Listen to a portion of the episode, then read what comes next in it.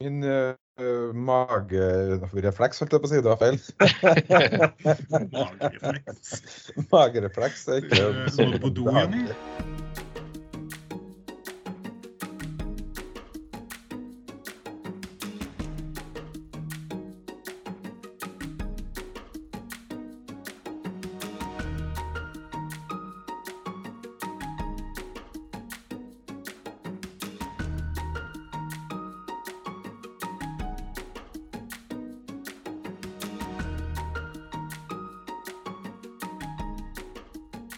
Hei og velkommen til eh, Hverdagen med NTL Nav, og velkommen til deg, Ove. Takk.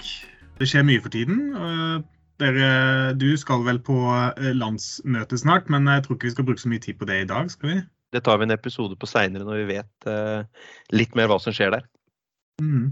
Tillitsreform er på agendaen, og eh, delegerte lønnsforhandlinger.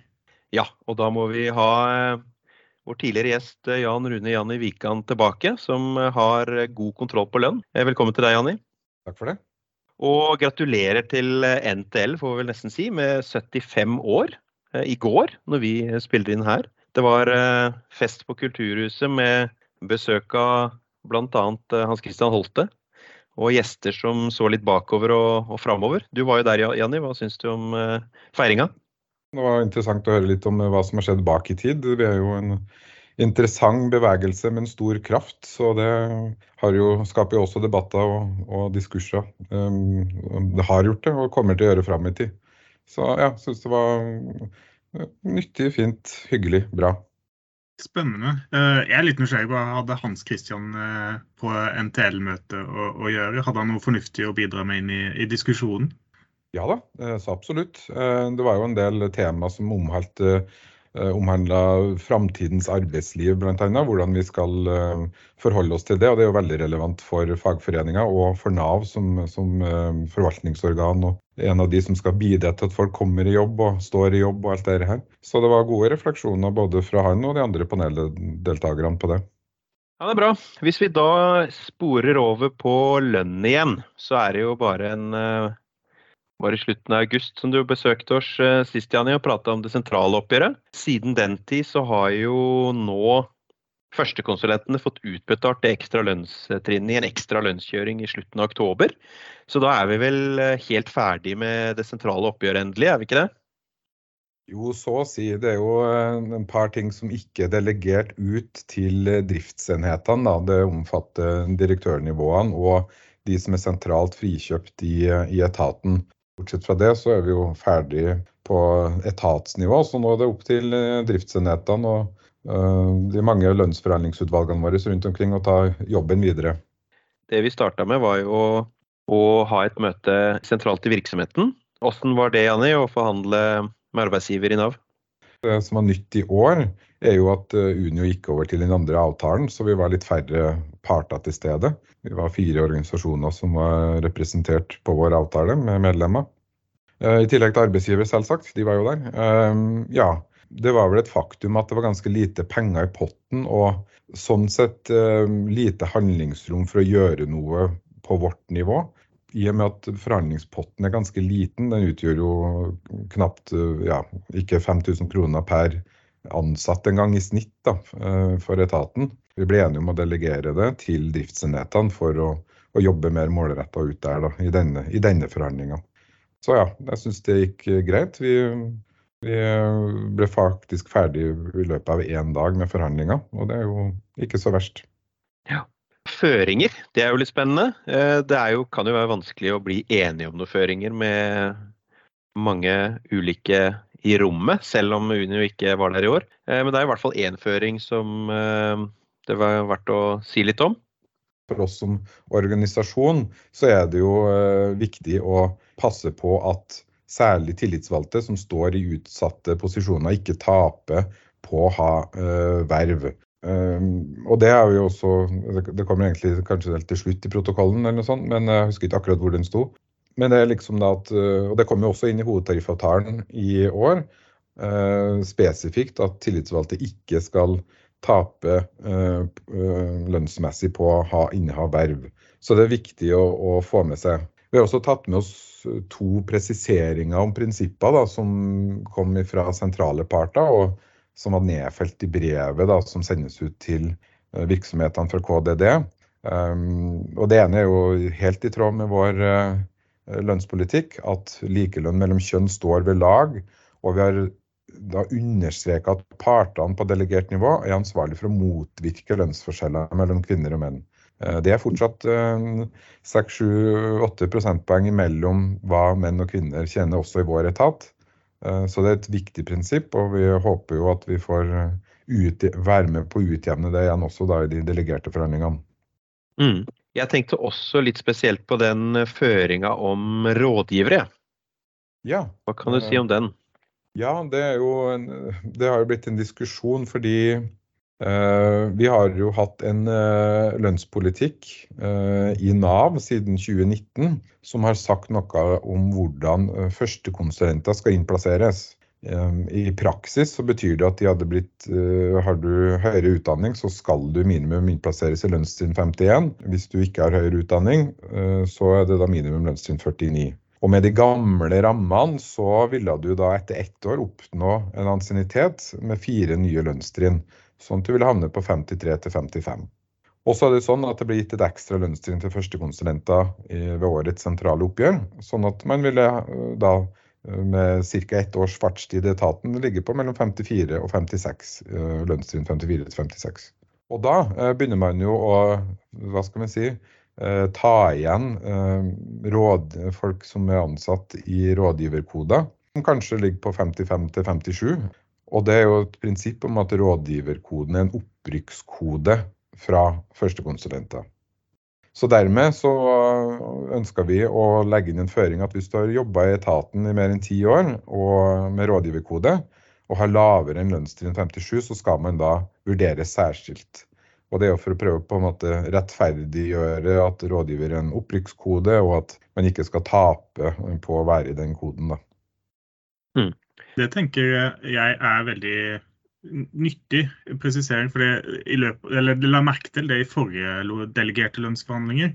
At du la merke til at nivået på lønna har vokst eh, betydelig de, eh, over en periode. Så når, det vi kanskje tidligere så for oss at det var et slags gjennomsnitt på et lavere, eller på rundt 50, lønnstrinn 52-53, så er snittet nå blitt mye høyere.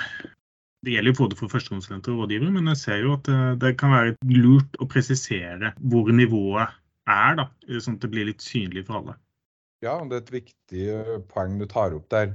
Eh, og det er ikke en hemmelighet at Nav er en av de lavest lønna statlige virksomhetene. Den nye lønnspolitikken vi hadde med innplassering av førstekonsulenter bidro faktisk til at kom, kom, folk kom raskere opp på en høyere lønn enn vi hadde hatt tidligere.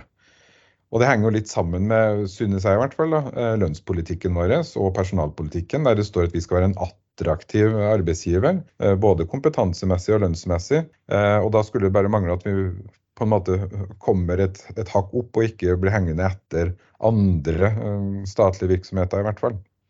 Mm. Er det ellers noe du vil si om eh, protokollen og de forhandlingene vi hadde på virksomhetsnivå? Det er en, en presisering til da, som ikke har nevnt, og det er jo her med lederlønnsutvikling.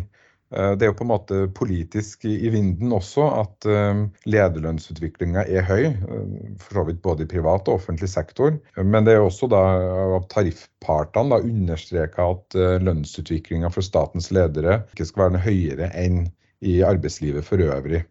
Og Da har vi også enda presisert til eh, alle dere ute i forhandlingsutvalgene at partene på delegert nivå er ansvarlig for å motvirke en høyere lønnsutvikling for ledere enn medarbeidere. Mm. Så det må man også, ja. Og, og, det er klart at man kan jo se på det isolert i denne forhandlinga, men man kan ikke løsrive det fra hvordan lønnsutviklinga har vært også utafor denne uh, forhandlinga fram, fram til nå. Og da har eh, vi som er tillitsvalgte rundt om i, i etaten på, på resultatområdet resultatområde og fylkesnivå eh, tatt over lønnsforhandlingene. Og vi har jo gjennomført forberedende møter, i hvert fall mange av oss. Medlemmer skriver jo krav så blekket spruter. Og lokale tillitsvalgte rundt omkring har fått i oppgave å starte med å prioritere kravene i lister. Og så er det forhandling snart. Er det noen ting eh, du tenker Janne, at vi burde ha i mente jeg vil først og fremst si at det å drive forhandlinger er ganske komplekst. Det er veldig mange ting å huske på. Så det er en utfordrende jobb. Eh, og all ære til de som eh, tar på seg verv og jobb med å forhandle på vegne av våre medlemmer. Det, det er nødvendig, og det er en uvurderlig innsats som blir lagt ned. Og så er det sånn, Vi har jo selvfølgelig lønnspolitikk vi følger igjen til Nav om hvordan vi ønsker at lønnsutvikling skal være. så den ligger på en måte litt i, bakgrunnen for hva, hvordan vi ønsker at det skal bli. Og så er det jo da selvfølgelig føringene fra protokollen om lederlønn, likelønn, øh, rådgiverpresiseringer etc. Men så er det sånn at det er jo ganske mange andre ting som skjer lønnsmessig i løpet av et år, som kanskje ikke er fanga opp av verken sentrale eller lokale oppgjør. Som man må ta høyde for på delegert nivå. Prøve å gjøre det så rettferdig som mulig. Det er vel det som er summen av det. Desto mer rettferdig det oppfattes, desto enklere er det også å akseptere resultatet. Og så vil jeg kanskje legge til da, eh, forventningene fra medlemmene våre. Eh, jeg vil jo si det at det er lite penger i potten. Det er mm. langt fra alle som kan få. Eh, det er ikke et halvt lønnstrinn engang til alle sammen. Vær litt nøktern i forventningsbildet. og Husk på at vi i hvert fall har sikra noe i bunnen i de sentrale tilleggene med 10 000 eller 1,7 Um, sånn at man ikke glemmer at vi har fått noe også i det sentrale tillegget. Um, og forhandling er forhandling. Det er vanskelig å forutsi hvordan resultatet blir, men uh, vi har godt skolerte tillitsvalgte som står på for medlemmene våre, så vi krysser fingrene for at dette går bra i år også. Ja, Dere er snart i gang, Ove. Hva tror du om, om, om den prosessen? Nei, altså jeg, jeg kjenner på, på, ansvaret eh, hele tiden. Eh, sørge for at eh, det vi får inn blir bra nok, at forberedt plasstillitsvalgte på en god nok måte, sånn at de eh, gjør de gode forberedelsene, sånn at jeg kan ta over prioriterte lister fra de forskjellige enhetene. Eh, sørge for at kvaliteten er bra på det som er i kravet, at det ikke er noen sånne rare ting som står der som er feil. Sånn, sikre at alt blir bra, at vi er godt forberedt til eh, selve lønnsforhandlingsprosessen. Jeg kjenner på ansvaret. I fjor så tulla jeg jo litt med at jeg følte at jeg hadde eh, posttraumatisk, eller jeg var redd for å få posttraumatisk stressyndrom etter å ha vært stressa i kontinuerlig to uker eh, før, under og etter lønnsbehandlingene. Så um, nei, jeg kjenner på det. Et, et, nyttig tips, husk å utveksle krav samtidig. Det, det bør vi, egentlig alle partene ha vært enige om. Eh, så lenge én part krever det, så blir det sånn. Mm. Og så er det jo, tenker jeg at i forhandlingsutvalgene, det beste tipset da, det er å, å bruke hverandre. Eh, for det som forhandlingsleder, som Ove var inne på her, så er det veldig ansvarsfullt å sitte med hovedansvaret. Sørg for å ha nok folk rundt deg i forhandlingsutvalgene, og, og bruk de ressursene og kunnskapen vi har i organisasjonen.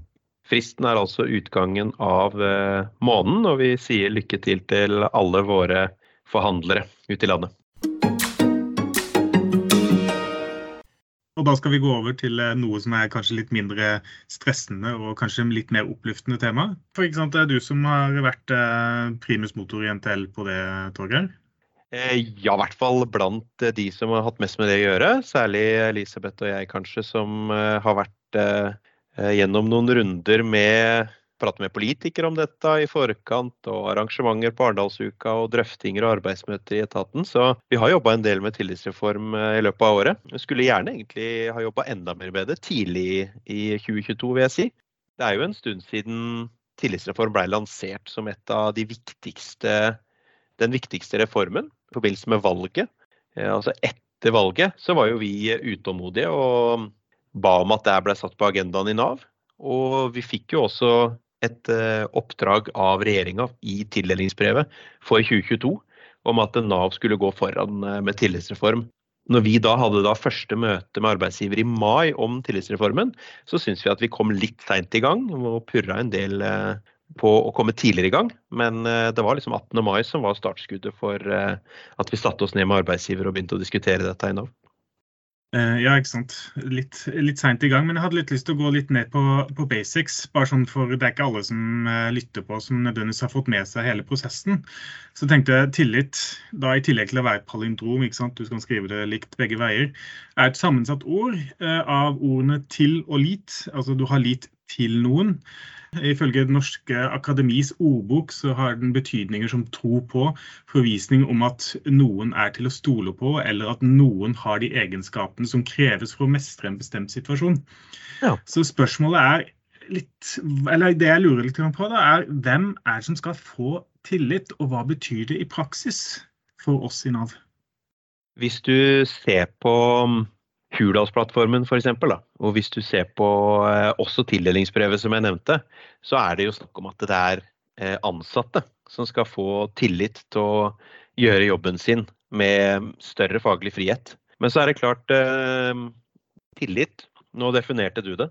Det er jo et ord som kan vris og vendes litt på til at det blir tillit i alle retninger. da. Når vi møtte arbeidsgiver 18. mai f.eks., så kom det ganske klart fram at vi hadde litt forskjellige tanker om hva, på hva dette her skal være i Nav. Så eh, arbeidsgiver måtte gå tilbake til skrivebordet og begynne på nytt. Og da blei det fort sommerferie, så vi møttes igjen i september eh, og fikk da forslag til mandat.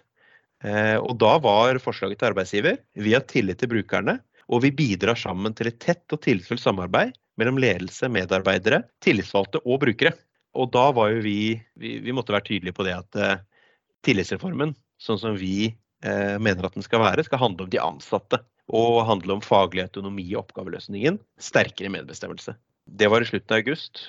Og når vi kom tilbake i september, eller arbeidsgiver foreslo fortsatt de punktene jeg nevnte, men i tillegg da med at vi skal gi medarbeiderne faglig rom og utvikling av kompetanse til å finne riktig løsning sammen med brukerne. Så da var det litt på det med faglig rom, men fortsatt et stykke unna det vi eh, mente at det her skal handle om. Så vi var enda tydeligere i eh, skriftlig form da, på det tidspunktet rundt hva vi mente at det skal være. Større faglig rom til medarbeiderne. Styrke partssamarbeidet i Nav. Rettighetene ansatte har til å bli involvert i viktige prosesser. Redusere mål- og resultatstyring. Gjennomføre forsøk med større handlingsrom. Og gjerne ta vekk disse litt sånn ulne, store punktene. Eh, det var vårt forslag. Det høres ut som det har vært en uh, god og lang reise for å prøve å finne uh, liksom, en omforent uh, definisjon, definisjon av tillitsreform i Nav. Da. Det har vært en reise, det kan man si. og um, nå er vi jo endelig der at vi Det er bare et par uker siden nå, så kunne vi sette et punktum for drøftinga. For arbeidsgiver kom tilbake til oss med et ganske um, mye bedre forslag som kombinerer noe av det de kom med, og ganske mye av det vi eh, mente at måtte være på plass. Det er jo et ganske underlig på en måte at man blander sammen eh, tillitsbegrepene her. Fordi det er klart at vi skal utøve god forvaltning og ivareta rettssikkerheten til eh, Nav-brukere og innbyggerne i Norge. Uh, uavhengig av hva som skjer av andre typer reformer. Det er helt uh, soleklart hva politikerne har ment om saken og oppdraget som er gitt oss. Dette handler om de ansatte og ansattes arbeidsforhold og tilliten til medarbeidere. Og, og det, det, jeg savner litt, her, det er jo snakk om en reform. Og jeg sitter med et inntrykk at uh, kanskje arbeidsgiversiden, Nå har ikke deltatt i møtene sjøl, men jeg sitter med et inntrykk at arbeidsgiversiden tenker at det her skal vi gjøre med venstre lillefinger samtidig som vi gjør alt annet. Det er ikke satt av noen ekstra ressurser til å gjennomføre reformen. Men det er bare en sånn, nei, det er noe visvass fra politikerne om at ja, blad i blad vi skal være snille og hyggelige mot hverandre. Det må ikke koke bort i kålen. Dette er en seriøs og viktig del for at folk skal trives på arbeidsplassen, mestre arbeidsoppgavene sine, og på den måten gi gode løsninger til brukerne våre. Det er i hvert fall det vi har vært redd for. da, At det skal bli litt for ullent og litt for mye alt og ingenting. Eh, Kardemommeby-aktig eh, hva er det den loven er igjen, av? Altså, hvis du skal være grei og snill eller kjøre som du vil. ikke sant? Eh, det, det, må ikke bli sånn. Det må bli hva er det vi faktisk skal få til, og hva skal vi gjøre annerledes i denne styringsreformen. Vi har brukt en del tid. Eh, vi kom litt seint i gang, og vi har brukt en del tid. Nå er det november, og vi har i hvert fall et mandat klart for videre jobbing som har blitt ganske bra, syns jeg. Altså dette litt sånn åpne, generelle 'vi skal ha tillit til hverandre'-punktet, det er kommet med som en ingress, mens da mandatet har fem punkter. Vi gir våre medarbeidere større rom til å utvikle og bruke sin faglighet. To, det legges til rette for lokalt forankret tjenesteutvikling og forsøk med større handlingsrom lokalt. Tre handler om å styrke partssamarbeidet på alle nivåer. Eh, nummer fire, mål- og resultatstyring skal sikre en god balanse. Der hadde jo vi forslag om å redusere, da, men greit. Og så er det punktet nummer fem. Vi videreutvikler tilliten vi, møs, vi, viser i møte med brukerne fortsatt med. Det sto arbeidsgiver hardt på at, vil, at, de ville ha med. Eh, vi, vi er selvfølgelig ikke mot tillit til bruker, men vi tenker jo at det her handler om en styringsreform. Vi mener at det handler om ansatte, som sagt, og tenker at det bør reindyrkes. Jeg er jo litt spent på eh, hvordan en så stor organisasjon som Nav skal håndtere dette. fordi ene tingen er å bli enige om ting på etatsnivå og kan du si overordna nivå. Vi har mange på en måte førende dokumenter som man blir enige om på etatsnivå, men som forvitrer ned i organisasjonen, som kanskje ikke mm-hmm. forstås riktig av alle sammen og tolkes forskjellig. Vi har vært gjennom mange endringsprosesser i Nav som har endt ut i så å si katastrofale tilnærma tilstander enkelte plasser, med stengte Nav-kontor og ja, alt dette her, f.eks. Så jeg er veldig spent på hvordan har man tenkt å få dette til å funke i organisasjonen uten å rigge, ekstra, uh, rigge ekstra ressurser for det. Det tenker jeg er nødvendig og alfa og omega. Og det at man har sagt at man skal gi større lokalt handlingsrom, det er jo ikke nødvendigvis noe eh, som øker medbestemmelsen eller det faglige utviklinga eller det, det, faglige kunnskapen vi kan bidra med som arbeidstakere. Det betyr jo bare at eh, en leder på en enhet kan i større grad ta beslutninger kontra en leder lenger opp i hierarkiet. Så man må ikke forveksle det her med å gi autonom, autonomi da, til ned i organisasjonen eh, med at det blir mer tillit, for det er ingen selvfølge. Så jeg, jeg, jeg tenker det må være viktig å få på plass nok ressurser til å jobbe helhetlig med hele organisasjonen, så det ikke blir et skrivebordsdokument på etatsnivå. Jeg syns det er veldig interessant det du sier, Janni. For eh, I forberedelse til dette, mm, den samtalen så kom jeg over det en påstand om at eh, tillit skaper, eller eh, forenkler det kompliserte. Og Nav er vel mildt sagt en komplisert organisasjon. Det er jo liksom litt spørsmålet tror dere at tillitsreformen vil kunne forenkle noe, Nav noe? forhåpentligvis så vil det jo forenkle ting når eh, medarbeiderne, for det skal ikke være bare lederne som Janni er inne på, men når medarbeiderne får et større rom til å velge hvordan skal vi gjøre dette uten detaljert styring på det. Eh, kanskje innebærer det færre runder via kontroll. Har du noen refleksjoner på det, Jenny? Ja, jeg tok et lite dypdykk i, eh, tilbake i organisasjonsteorien her. fordi det er ikke sånn at det er ikke første gangen vi jobber med tillit, eller tillit, som jeg sa tidligere, i, i offentlig sektor. Eh, eller privat sektor, for den saks skyld. Eh, vi har jo de samarbeidsforsøkene mellom NHO og LO på, på 60-tallet og utover som viser det at når folk som jobber med oppgavene blir, får lov til å bidra i hvordan man skal løse oppgavene, så løses de bedre. Man får større tilhørighet, man får større kompetanseutveksling. Og det er jo den tilliten som eh, kanskje er viktigst her. At de som gjør jobben, vet best hvordan den kan utøves, og at de sammen er med å utvikle ting. I stedet for at man får på en måte et direktiv da, som sier at nå skal du jobbe akkurat sånn. Nå skal du skrive det, du skal si det, du skal spørre om det, og systematisere og standardisere det ligger jo litt i, i, dette rapporteringssystemet og styring og kontrollregimet som vi har, at man har et behov, eller man er litt sånn tendens til å bekymre seg for blir oppgavene gjort i tide. Det er jo det som man ofte Det ligger litt i argumentasjonen når man hele tiden skal ha kontroll på ting. Eh, kartlegge om ting gjøres på riktig måte. Ved å, å gi tillit så gir man jo også en, en, mulighet til å ikke bekymre seg over ting. Da. Det er en måte å forenkle det litt på. Man, litt, eh, man gir ansvaret og tilliten til at dette her gjør du på en eh, tillitsvekkende måte. Og det sparer jo på arbeid. Eh, og da ved å gi tillit, så slipper man å ha for mange som skal følge opp og sikre at ting er gjort riktig.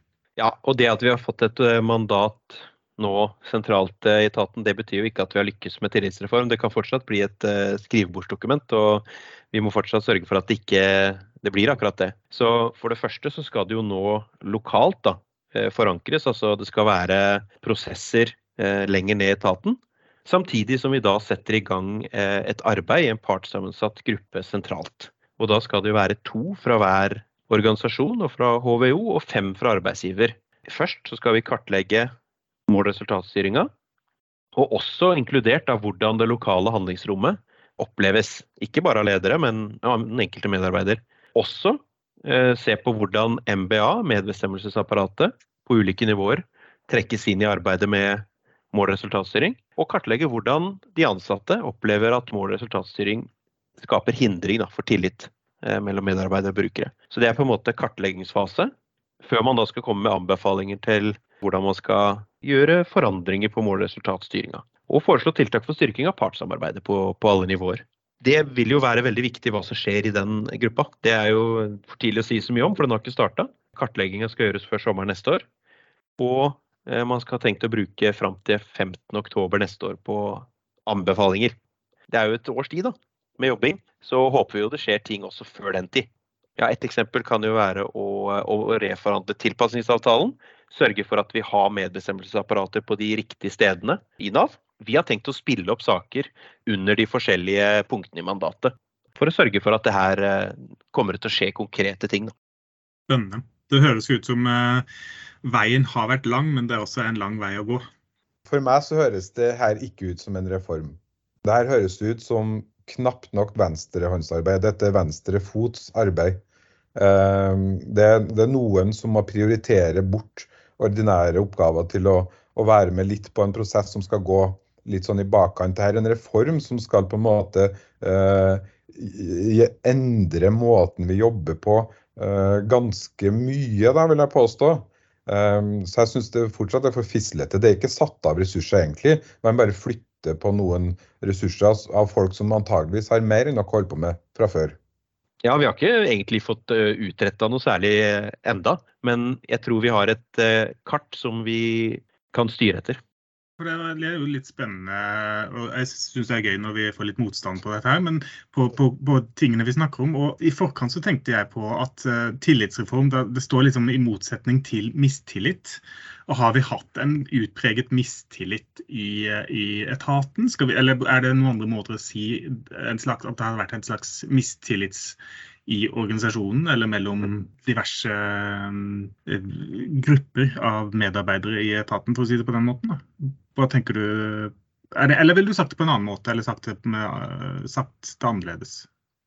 Ja, altså Vi tror vel at det er ting eh, vi er ganske sikre på at vi bør kunne endre på eh, allerede nå. Men det er jo akkurat det her arbeidsgiver mener at vi må ha et sterkere grunnlag kartlegging for å, for å se da hva vi kan endre på. Og det spørs jo hva da vi, både gruppa og vi som fagforening ønsker at skal skje. Det kan vi jo fortsatt spille opp som saker, og det får vi heller ta, ta ansvaret for å gjøre. da. Uavhengig av kartlegginga så mener f.eks. jeg at forsøk da, kan være veldig effektivt. Eh, Regjeringa har bedt om forsøk. Jeg mener at det trenger ikke være så veldig komplisert å vurdere hva vi bør prøve ut. F.eks. i NKS så bør man prøve ut eh, at vi ikke skal ha noe press på tid til etterarbeid eller samtalelengde, men at folk bare får beskjed om du bruker din faglighet til å vurdere behovet. Eh, punktum. Det er ingen krav på den tida. Eller at man i NAI eh, fjerner alle individuelle krav, alle individuelle vurderinger og målinger, og kun lar saksbehandlerne plukke saker, jobbe i fred. Jeg mener at de egentlig ikke trenger å vente så lenge for å rette inn den type forsøk og prøve å gjøre ting litt annerledes. da. Det gir meg fortsatt ikke, for jeg mener at eh, det er altfor eh, lite målretta å trekke ut ressurser som allerede holder på med ting og har hendene fulle. Altså Skal man ha en reform, så må man sette av genuine eh, ressurser som jobber akkurat med det over tid. Og Da trenger man ikke å holde på til oktober neste år for å komme med anbefalinger, antageligvis. Man må selvfølgelig ta stoppunkter med medbestemmelsesapparatet, med eh, arbeidsmiljøutvalget og, og direktørene, selvfølgelig. Sånn er det jo bare. Men hadde man satt av folk som jobber bare med dette, med den reformen, der, kartlegginga og komme med, med anbefalinger, fristilt for andre arbeidsoppgaver, da er man på vei mot en reform, eller inn i en reform. For vår del nå, som eh, bidragsyter inn i det arbeidet, så er det viktig å sette masse energi inn på det. Og prøve å komme med, med gode forslag til hvordan eh, vi kan eh, sikre ordentlige endringer på dette området. Ja, men jeg tror konklusjonen kan være at uh, podkasten 'Hverdagen med NTL Nav' har høye forventninger til de to NTL-representantene som skal inn i denne gruppa, og forventer gode resultater. Ja, jeg begynner å lure på om vi bare må sette Jan inn der, så han kan fikse dette. eh, men det er litt, eh, jeg, har, jeg må ta med en, en en uttalelse fra Holte i går. Det kom under i forbindelse med hvordan vi har det på jobben etc. Der han brukte ordet 'hyggehelvete'. Og, og det var jo et, et sterkt, ganske interessant ord å benytte, men som kanskje sier noe om at det å hygge seg i hjel betyr jo ikke at man har tillit. Og det håper jeg at det her som vi var litt inne på før, tillitsreformen må ikke bli et hyggehelvete. Yes, nei, men Da snakkes vi til en liten prat om landsmøte og litt annet i neste gang, Ove. Og så sier vi ha det godt for denne gang. Takk for at du kom, Janni. Takk for at jeg fikk komme. Ha det bra. Ha det godt. Takk til deg som hørte på. Hvis du har spørsmål eller kommentarer, ris eller ros, så er vi veldig takknemlige om du sender en e-post til torgeir.homme alfakrøll nav.no. Vi høres.